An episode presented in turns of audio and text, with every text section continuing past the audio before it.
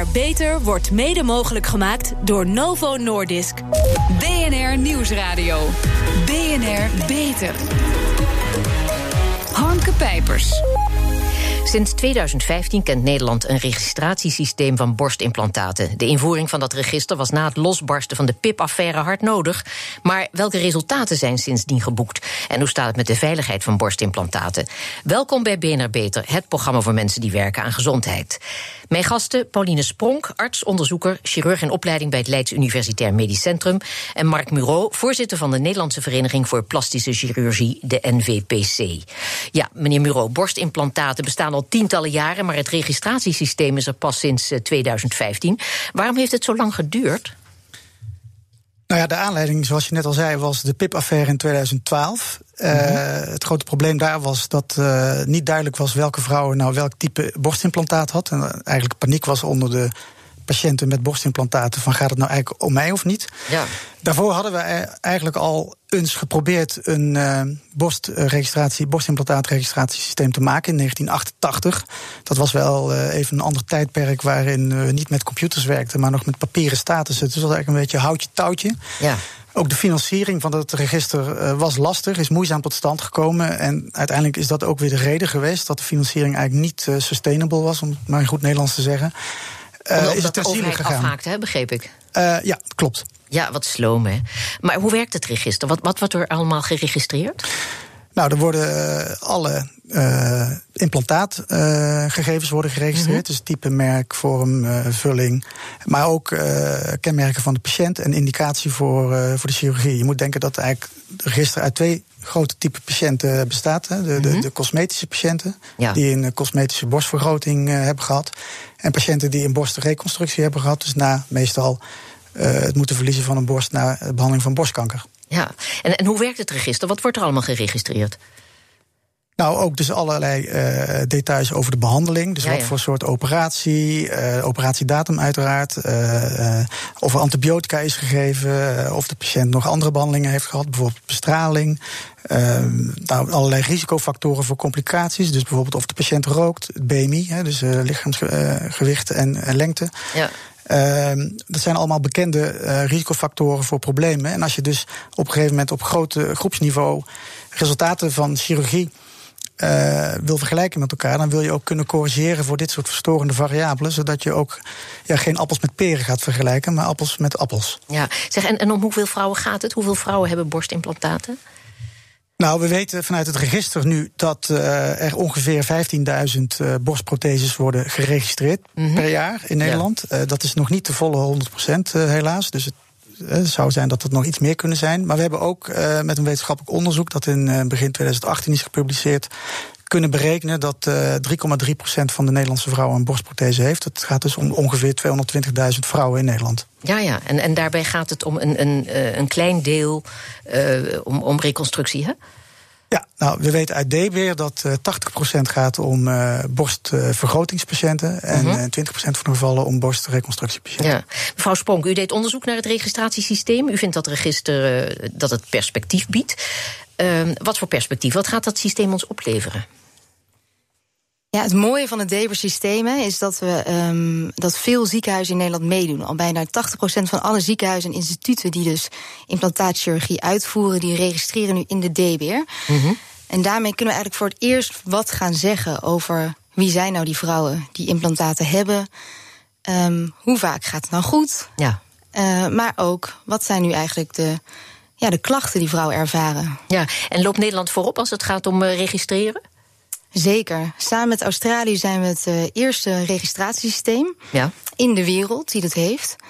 Um, en dat komt uh, omdat wij in Nederland natuurlijk een, een uh, hoe zeg je dat, een maatschappij hebben van transparantie. Ja. Dus wij zijn gewend als ziekenhuizen en instituten dat wij transparant moeten zijn over onze gegevens. Ja.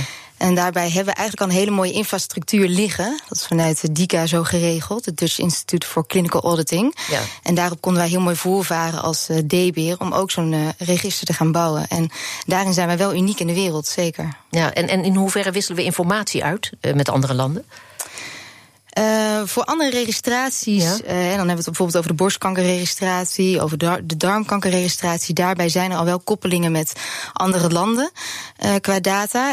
de DEBE-registratie is nog niet zo ver. We hebben een Australische registratie up and running is. Mm -hmm. Engeland heeft een registratie nu in de, in de startblokken. Amerika is net begonnen met registreren. Zweden heeft een registratie. En wat we vorig jaar hebben gedaan, is eigenlijk alles gestandaardiseerd. Dus dat we ook alles hetzelfde nu gaan meten vanaf ja. nu af aan. En in de toekomst is dus het idee dat we dus op grote schaal een internationale dataset kunnen bewerkstelligen. Ja, ja. meneer, meneer Ro, niet alle zorginstellingen doen mee aan het registratiesysteem. Hè? Uh, welke gevolgen heeft dat? Nou, vooropgesteld dat dat uh, een door in het oog is voor uh, de NVPC. Mm -hmm. uh, we hebben het voor onze leden als ja, verplichting gesteld. Dan moet ik zeggen dat we een verschil zien tussen ziekenhuizen en privéklinieken. Dus het aantal deelnemende ziekenhuizen ligt een stuk hoger. Ja. boven de 90 procent. En de, de privéklinieken blijven een beetje achter, tenminste sommige. wat we nu aan het doen zijn, is ja, waar de, de klinieken waar het om gaat en de ziekenhuizen waar het om gaat, om die actief aan te schrijven. Dat wij zien dat ze niet registreren, om erachter te komen waarom dat niet is, of we ze daarbij kunnen helpen. Ja. En ervoor te zorgen dat ze uh, dit alsnog gaan doen. Want de, die registraties neem ik, uh, neem ik aan niet vrijblijvend. nou, zoals gezegd, het is een, uh, voor onze leden een verplichting. En ja. het is door de, uit de registratie komen ook een aantal kwaliteitsindicatoren, zoals mm -hmm. andere kwaliteitsregisters dat ook hebben. Ja. Uh, die ook gekoppeld zijn aan de, aan de inspectieindicatoren. En die zijn ook zeker niet vrijblijvend. Mm -hmm. Dus uiteindelijk zal er zeker op gehandhaafd gaan worden. Maar kijk, wij zijn natuurlijk nog steeds een betrekkelijk jong register. Ja. Zoals je al zei, in 2015, april 2015 gestart. Uh, ja, de eerste drie jaar heb je eigenlijk nodig om, om zo'n register helemaal up and running te krijgen. Ja. En we zitten nu net in het vierde jaar. En uh, ja, nu begint wel een beetje de tijd te komen dat hier wel consequenties aan verbonden gaan worden. Ja. Um, om nou even op je vraag terug te komen. Ja, kijk, je wil natuurlijk uh, meer dan 98% van alle implantaten geregistreerd hebben, zodat je ook met een uh, zeer betrouwbare uitspraak uh, de gegevens kan presenteren aan iedereen ja. en kan laten zien wat er gebeurt. Zo -hmm. gauw dat onder, nou, laten we zeggen, 95 procent gaat zakken, ja. dan, uh, ja, dan worden de, de, wordt de betrouwbaarheid van de data wordt eigenlijk kleiner. Mm -hmm. En uh, komt er eigenlijk steeds meer onzekerheid over wat nu eigenlijk, uh, wat je nou wel en niet kan zeggen. Ja. De affaire met de PIP-borstimplantaten ligt nog vers in ons geheugen. Hè? Dat waren ja. ondeugelijke implantaten die, mm -hmm. die werden geïmplanteerd. welke lessen zijn er geleerd? Hoe, hoe is dat afgehandeld in ons land? Nou, het grootste probleem, wat ik al zei toen de tijd, was dat niet uh, duidelijk was wie nu welk implantaat had. Ondanks het feit dat, dat wij gewend zijn om alle patiënten een kaartje mee te geven met daarop uh, het ziekenhuis waar ze geopereerd zijn en ja. uh, details van het implantaat. Ja, mensen die stoppen dat in een kast of ergens in een, in, in, een hoesje of nou ja, veel, maar raken het uiteindelijk toch kwijt. digitaal geregistreerd. Nee. Ja. Nu wordt dat dus allemaal geregistreerd en is het ook via een patiëntwebsite is het terug te vinden voor de patiënt, www.implantaatcheck.nl. Mm -hmm. Daarmee kan de patiënt zelf, als hij de code van uh, zijn implantaat invoert, kan hij terugvinden of het implantaat is geregistreerd en of er iets met het implantaat zou zijn. Ja, want welke risico's zijn er nog verbonden aan het inbrengen en dragen van uh, implantaten? Want, want 100% veiligheid bestaat niet, hè? Nooit. Nee. Nee, geen enkel medisch handelen heeft helaas een 100% veiligheid. Bij alles wat we doen is het continu de balans uh, van de baten van een behandeling tegen mm -hmm. de eventuele risico's van een behandeling. Dat is natuurlijk de essentie van, van, van geneeskundig handelen. Ja. Uh, dat moet je elke keer weer opnieuw uh, afwegen. En ook bij implantaten zitten, bij implantatiechirurgie zitten risico's aan. Die zijn aan de ene kant patiëntafhankelijk. Dus de risicofactoren waar ik het net over had, zoals roken, overgewicht, uh, suikerziekte, andere aandoeningen. Ja. En aan de andere kant kunnen die implantaat afhankelijk zijn en ook uh, chirurgie afhankelijk. Dus afhankelijk van hoe de chirurg zijn operatie uitvoert. Ja. Uh, ja, ik wil even naar mevrouw uh, Spronk, want als we praten over de risico's, welke rol kan het register daarin spelen? Een hele grote rol. Ja. Ja, het idee is dat we hè, nu alle registraties registreren, of alle implantaties, sorry, registreren in de, in de D-weer. Mm -hmm. En op den duur moeten we dus gaan zien welke implantaten zorgen helaas sneller voor complicaties. Maar ook welke implantaten gaan 10, 20, 30 jaar mee zonder dat vrouwen daar klachten van hebben. Ja. En ook belangrijk, wie zijn die vrouwen? Ja. ja. En, en bij hoeveel operaties gaat het fout? Ja, dat, dat percentage. Vanuit Weten we dat? Nee, vanuit de DEWE kunnen we dat percentage helaas nog, de, nog niet berekenen. Ja, ik, ik begreep tegen de 10 procent. Nou, kijk, er is natuurlijk wel uh, behoorlijk wat wetenschappelijk onderzoek uh, gedaan in al die jaren. met alle beperkingen die er aan zitten. Maar mhm. daar kunnen we zeker het een en ander over zeggen. Als we Kijk, als je over complicaties praat, dan denk ik dat het goed is om te praten over korte termijn en lange termijn complicaties. Korte termijn moet je denken aan bijvoorbeeld het, het moeten verwijderen van een implantaat vanwege een infectie. -hmm. nou, dan moet je denken aan dat dat ergens varieert afhankelijk van of het om een borstvergroting of een borstreconstructie gaat. Want daar zitten grote verschillen tussen, tussen mm -hmm. de risico's uh, die eraan zitten. Maar voor borstvergrotingen zijn die risico's beduidend lager. Dan, dan gaat het okay. over minder dan 2 Ja, ja. Bij borstreconstructie kan zo'n getal ergens rond de, uh, de 10% uh, uh, zweven. Ja. dat als het gaat om een infectie waarvoor een prothese verwijderd moet worden. Ja. Als je dan praat over lange termijn complicaties, en dan gaat het over bijvoorbeeld een, het kapotgaan van een prothese of last krijgen van kapselvorming dan gaat het in het geval van reconstructieve chirurgie, als je naar tien jaar kijkt, mm al snel uh, richting de 20, 25 procent van de vrouwen die daarvoor een heroperatie hebben gehad ergens in die tien jaar. Ja, een heroperatie, want wat zijn de gevolgen voor vrouwen? Betekent zo'n complicatie dat zulke implantaten altijd moeten worden verwijderd? Nou, als vrouwen klachten hebben van een implantaat in de vorm van bijvoorbeeld kapselvorming, of als er is vastgesteld uh, bijvoorbeeld bij toeval door middel van een MRI vanwege een andere indicatie dat de prothese kapot zou zijn. Um, ja, dan is de consequentie dat daar een heroperatie uh, voor dient plaats te vinden. Waarbij dan het, de prothese meestal wordt gewisseld en de kapsel wordt verwijderd of aangepast, zodat de nieuwe prothese weer uh, ja, beter zit. Welke risico's lopen vrouwen met implantaten? Er wordt daar voldoende toezicht op gehouden. Daarover praat ik zo meteen verder met mijn gasten. Nieuwsradio. BNR Beter. Ondanks de invoering van een borstimplantatenregistratiesysteem zijn er nog altijd zorgen over de risico's van implantaten. Het garanderen van 100% veilige implantaten lijkt vooralsnog een utopie. Mijn gasten, Paulien Spronk, artsonderzoeker, chirurg in opleiding bij het Leids Universitair Medisch Centrum, en Mark Muro, voorzitter van de Nederlandse Vereniging voor Plastische Chirurgie, de NVPC. Ja, meneer Muro, er zijn zorgen over implantaten die een verhoogde kans geven op de zeldzame lymfeklierkanker ALCL en een plastic large cell lymphoma. Zijn deze implantaten op grote schaal gebruikt in Nederland? Nou, uh, deze zorgen uh, over ALCL uh, zijn terecht. Die delen -hmm. wij als NVPC. het is helaas zo dat borstprotheses sinds een aantal jaar in verband worden gebracht met deze ziekte. En de kans hebben wij in Nederland goed kunnen uitrekenen. Ja. door onder andere andere registraties die wij in Nederland ook hebben draaien is voor een vrouw, als je dus een borstimplantaat zou hebben, dat je ergens in je leven uh, deze ziekte zou krijgen, is 1 op 7000, ofwel 0,014 procent. Dat je dat ergens in je leven zou krijgen. Ja.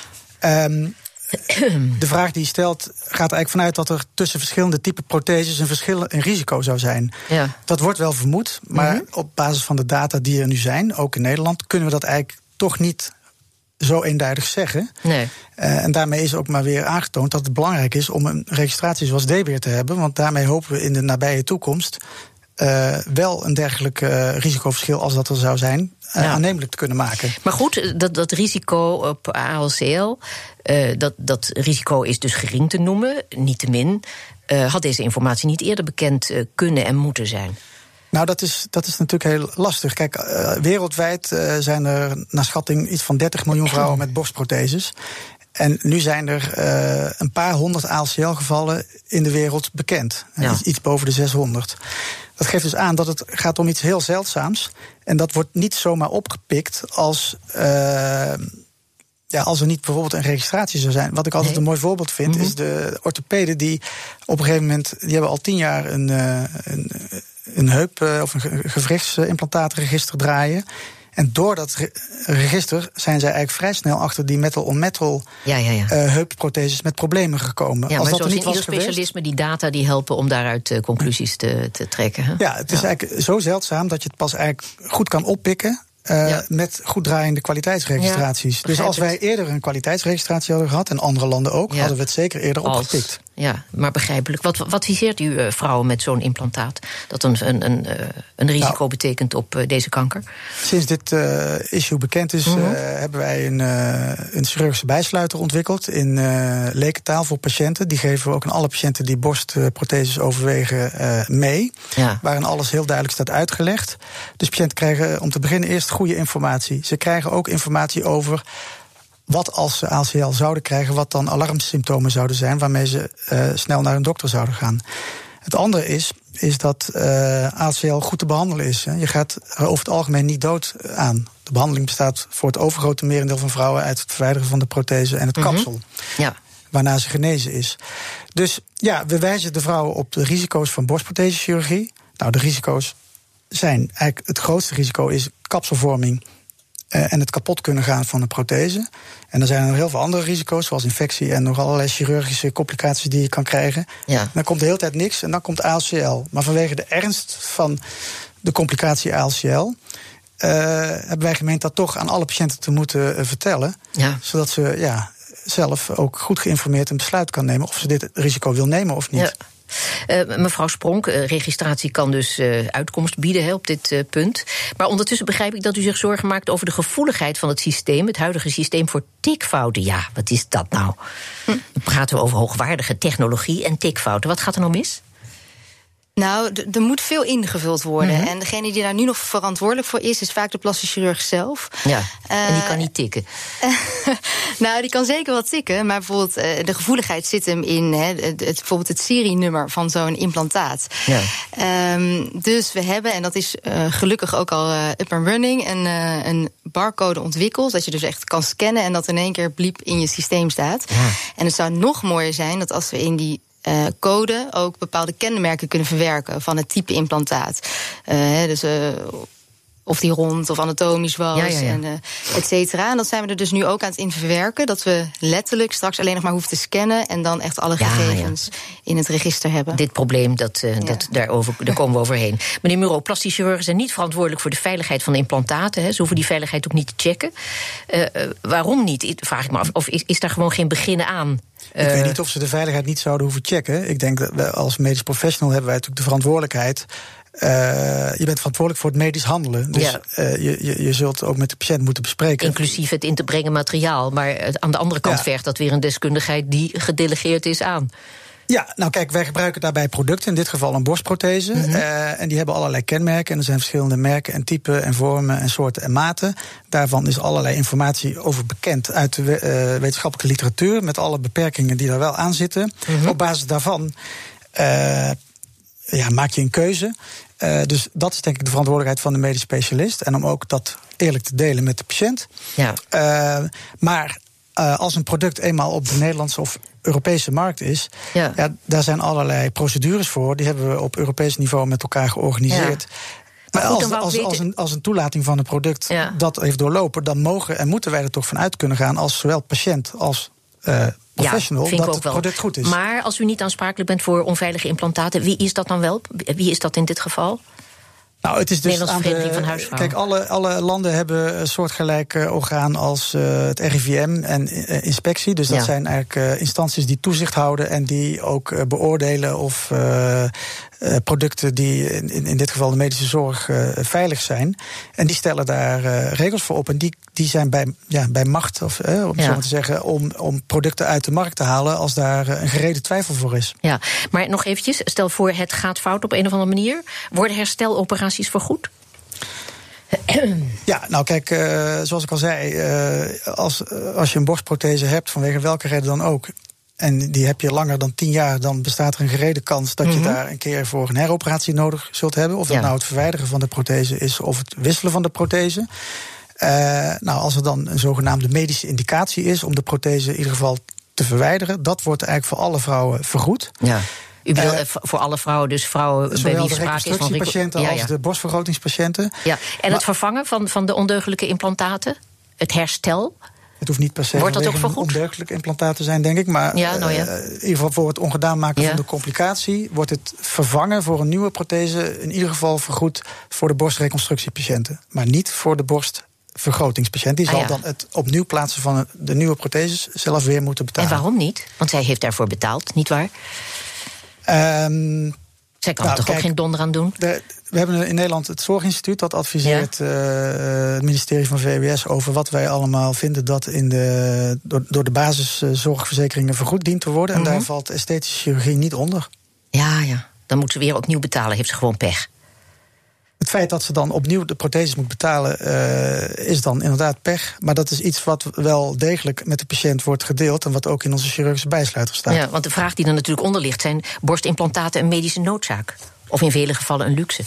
Nou, het is maar uh, een beetje hoe je er tegenaan kijkt. Uh, ja. We weten ook uit wetenschappelijk onderzoek voor zowel borstvergrotingspatiënten als borstkankerpatiënten of andere patiënten die een borstprothese nodig hebben voor een reconstructie, dat borstprothese chirurgie leidt tot aantoonbare verbetering van kwaliteit van leven. Precies, ja.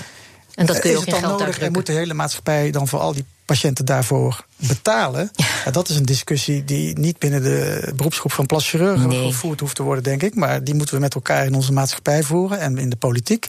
Ja. En op dit moment is het zo in Nederland dat medisch noodzakelijke zorg, whatever that may be, wordt vergoed. Ja. En iets wat wordt gezien als niet medisch noodzakelijk, Ik begrijp wordt het. niet vergoed. Ja, mevrouw Spronk, uh, arts en immunoloog Jan-Willem Cohen zei in een uitzending van Radar dat je geen borstimplantaten moet inbrengen tot ze veilig zijn bevonden. Ja, dat klinkt verstandig. Uh, bent u het met hem eens? Nou, ik begrijp heel goed. Uh, de vraag vanuit het land hè, mm -hmm. betreft de veiligheid. Uh, en ik begrijp wel zijn opmerking, maar ik denk dat we nu nog te weinig data hebben over uh, we kunnen dat nog niet hard maken. Of het blijft een, toch een beetje een avontuur. Ja, en dat Ja. is dus toch weer het belang dus van die DBIR. En nog even terugkomend op de DBIR-registratie. Ja. Misschien ben ik daar nog niet helemaal duidelijk over geweest, maar de. Uh, we registreren vanaf 2015 de patiënten die dan implantaten krijgen. En daarom is het nog best wel lastig van, hè, stel dat er dus iets mis is met een implantaat, dan moet dat net in 2015 al ergens zijn geregistreerd. Ja. En wanneer komt dat dan aan het licht dat dat dus een type implantaat betreft? En Mhm. daarvoor heb je dus zoveel jaren data helaas toch Ik begrijp nodig. het. Ja. Ja. Uh, meneer Muro, geen implantaten meer uh, zou minder werk en dus minder inkomsten betekenen voor plastisch chirurgen. Speelt dat een rol? Nou, in deze discussie in het geheel niet, denk ik. Kijk, ik kan natuurlijk niet ontkennen dat voor cosmetische chirurgie, uh, wat wordt uitgevoerd door uh, uh, over het algemeen privé-instellingen, die natuurlijk ook als doel hebben om hun eigen broek op te houden. Ja. Um, dat, dat, dat, economische ja. motieven rollen kunnen spelen. Maar, Maar, maar, heeft u voor uzelf dat rekensommetje gemaakt? Hoeveel zou het u aan inkomsten schelen, bijvoorbeeld? Nou, voor mij persoonlijk helemaal niets. Ik werk in het Erasmus MC, dat is een Ja, overheidsinstelling. En Ja. ik krijg gewoon netjes uh, elke, elke maand mijn Daar is uh, geen, geen sprake van wat wij dan uh, noemen foute prikkels. Zou je daarvoor zijn? Dat mensen uh, die dit soort werk doen, zeg ik dan maar generaliserend, dat die allemaal in vast dienstverband zijn? Nou, voor de privésector, dus zal zeggen de niet, niet verzekerde zorg, is dat denk ik uh, onmogelijk om dat zo te organiseren. Mhm. Mm -hmm. Maar voor de, voor de gewone ziekenhuiszorg zijn we in feite die transitie al aan het maken in het Nederland. Ja. we zien eigenlijk, uh, nu hebben we eigenlijk een productiegedreven prikkel om te, om, om uh, te behandelen. Uh, dus ja, hoe meer je produceert als ziekenhuis, hoe beter het is voor het ziekenhuis. En niet per se voor de medisch specialist uh, persoonlijk. Um, maar we zijn eigenlijk, gaan eigenlijk steeds meer richting ja, waardegedreven zorg, value-based healthcare. Ja. En we willen eigenlijk aantoonbaar waarde toevoegen voor de patiënt. En hoe beter je dat doet tegen optimale letterlijk kosten. toevoegen, ja. Ja, letterlijk toevoegen. Tegen zo min mogelijk kosten of optimale kosten. Uh, daar zal in de toekomst op uh, beloond gaan worden of op gestuurd gaan worden ja, door en dat gaat helpen. verzekeraars. Uh, ja. Nou, ik denk dat het zeker gaat helpen. Ja. Maar moeten patiënten zelf het initiatief nemen om implantaten te laten controleren? Of is er die aanmoediging helemaal niet nodig? Doen ze dat al? Nou, zeker nu, naar aanleiding van alle laatste uh, eenzijdige media-aandacht, mm -hmm. zien we toenemend aantal vrouwen met zorgen. En eenzijdige media-aandacht? Nou, eenzijdig negatief. Ja. Wil ik zeggen, heel erg uh, gericht op ACL. Um, zien we toenemend aantal vrouwen met zorgen die uh, zich melden bij onze polykliniek. En dat vinden we helemaal niet erg. Mm -hmm. uh, ik roep ook alle vrouwen op, als ze zich zorgen maken, om uh, zich vooral bij hun eigen plaschirurg te melden. En dan uh, zullen we naar haar, naar haar kijken en naar klachten uh, luisteren. Um, ja, ik maar kan nog een slot, er is ja? op dit moment, uh, de richtlijn die we nu hebben, zegt nog niet dat, dat je protheses standaard zou moeten vervolgen met bijvoorbeeld een MRI om de zoveel jaar. Ja. Maar we zijn op dit moment bezig met het maken van een nieuwe borstprothese richtlijn, waarin deze vraag zeker wordt behandeld. Ja, want dat wou ik tot slot nog even weten. Hoe gaan fabrikanten om met dit vraagstuk? Welke ontwikkelingen zijn door hen geïnitieerd? Nou, fabrikanten die uh, hebben de plicht om te doen aan post-market surveillance. Dus dat ja. houdt zoveel in dat als een product op de markt is gezet, dat zij uh, moeite moeten doen om te kijken of er problemen zijn met hun producten. En om bijwerkingen en, en uh, calamiteiten. Daar moeten zij proactief naar op zoek om te kijken of, hoe vaak dat, dat voorkomt.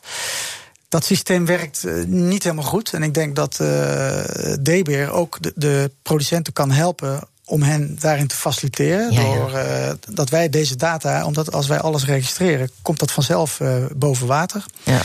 Uh, wij werken nu ook samen met de industrie in de zin dat zij uh, hun data delen met DB, zodat wij ook kunnen zien of een ziekenhuis, als die registreert, ook alle 100% van de ingebrachte implantaten registreert. Goed.